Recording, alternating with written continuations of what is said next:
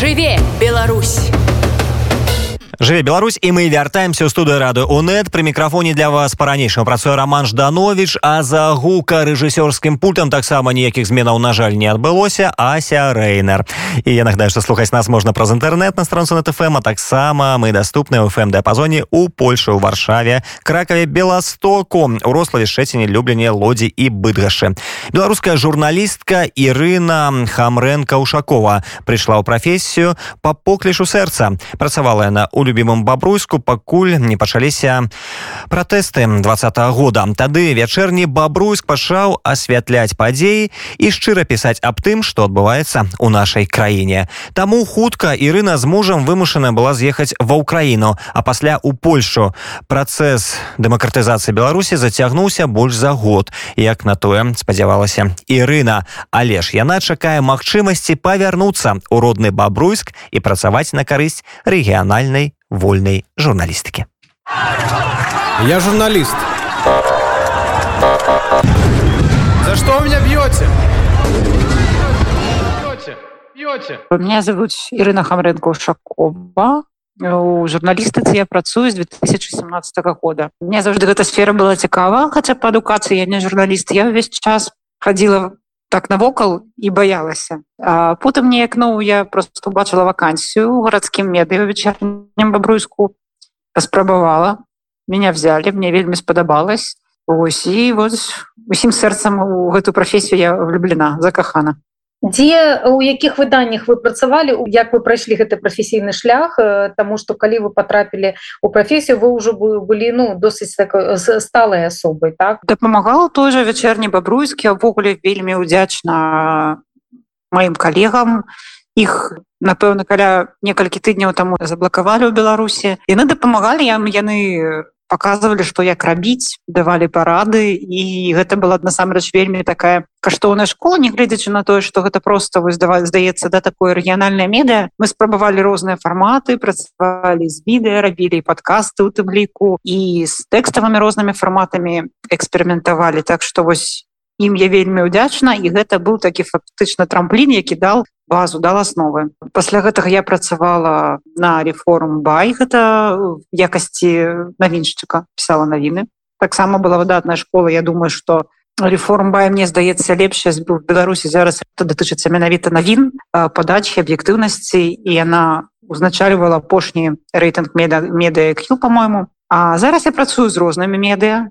Я крыху падпрацоўваю на радыё я пишу для розных выданняў ну в дадзеным выпадку шукаю сабе думаю в якім фармаце мне все ж таки больш падабаецца працаваць.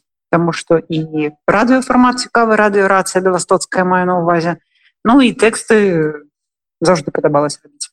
А ці была у вас у пэўны час спакуса ці прапанова перайсці працаваць напрыклад у якой-небудзь дзяржаўная сМ думкі такія былі насамрэч ну да ўсіх как это сказать да ўсіх напэўна да разваротаў усіх гэтых палітычных падзей я так мыслила в той бок напэўна за за коштам заробкаў грошаў но увесь час сабе неяк аддёргивала это был такі перыяд можа каля месяца каля ну зусім там мне цяжка было фінансава Дякую Богу не прыйшлося Ну і канешне зараз я не допускаю такой думкі ніякім разе. Я маю на увазе беларускія дзяржаўныя меды Як бы вы опісалі спецыфіку працы у рэгіянальным сМ Ну, спецыфіка напэўна ў тым что часто бывает так что трэба знаходзіць інфанагоды. Ну нават зусім дробныя нейкія рэчы могуць служыць інфанагодамі.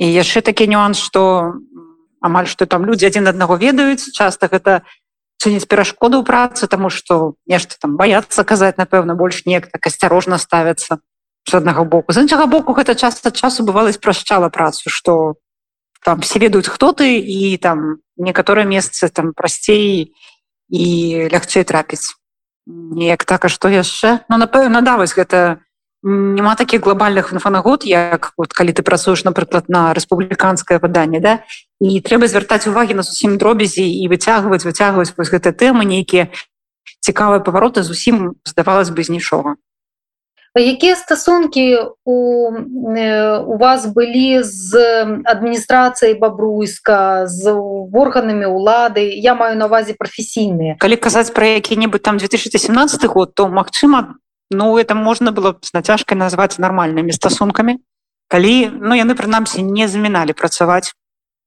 і адказвалі на пытанні там зразумела што гэта все было выключна пісьмова і вся вось гэтая бюрократычная валакіта але гэта яшчэ было магчыма чым далей тым горш. І зараз мае калегі з таго ж вячэрняга бабруйску сутыкаюцца з тым што некаторым вот не непасрэдна дзяржаўным органам там гарваканкаму да а там ну іх далейшым падначаленым подраздзяленнем кшталту какого-нибудь центра сацыяльнага абслугоўвання насеть насельніцтва напрямую забараняюць э, размаўляць не дзяржаўнымі медыі хотя яны вот нават экстрэміскімі не прызнаны ну чым далей э, па часе тым тым было заўжды горш. Что змяніў у вашай працы двадцаты год? Ну конечно шмат чаго.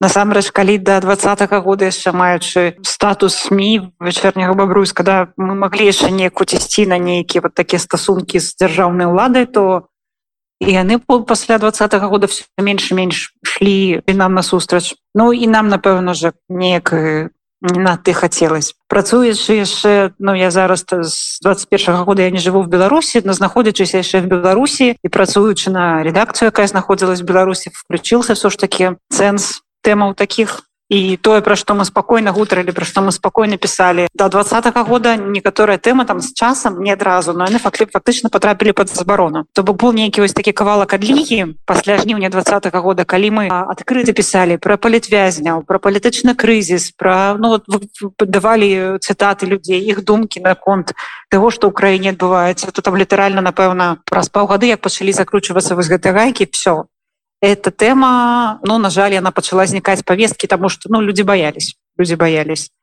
Вось прасцей стала ну калі уже я сменила редакцыю калі я з'ехала тут фактычна уже можна пісаць праўду але я разумею что Мачыма видите калі б не моя профессия может быть у меня была бы магчымасць застаться в Беларусі я не ведаю. Не ведаеце засталась бы я на магчымасць такая была б.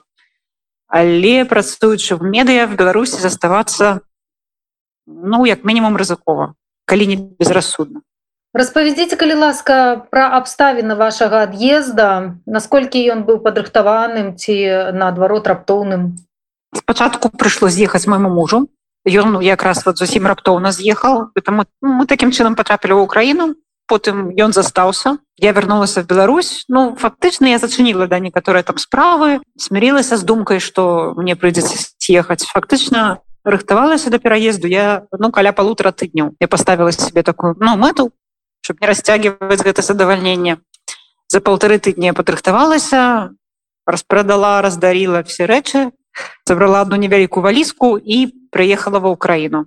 Моего мужа на той момант уже не было ва ўкраіне тому что ён дальнабойшчык і ну я там уже будавала на 7 месяцаў новое сваё некаторое жыццё там вось с нуля. Ну а потым прыйшла вайна і прыйшлось паўтарыць гэты шлях толькі ўжо ў Польшчы.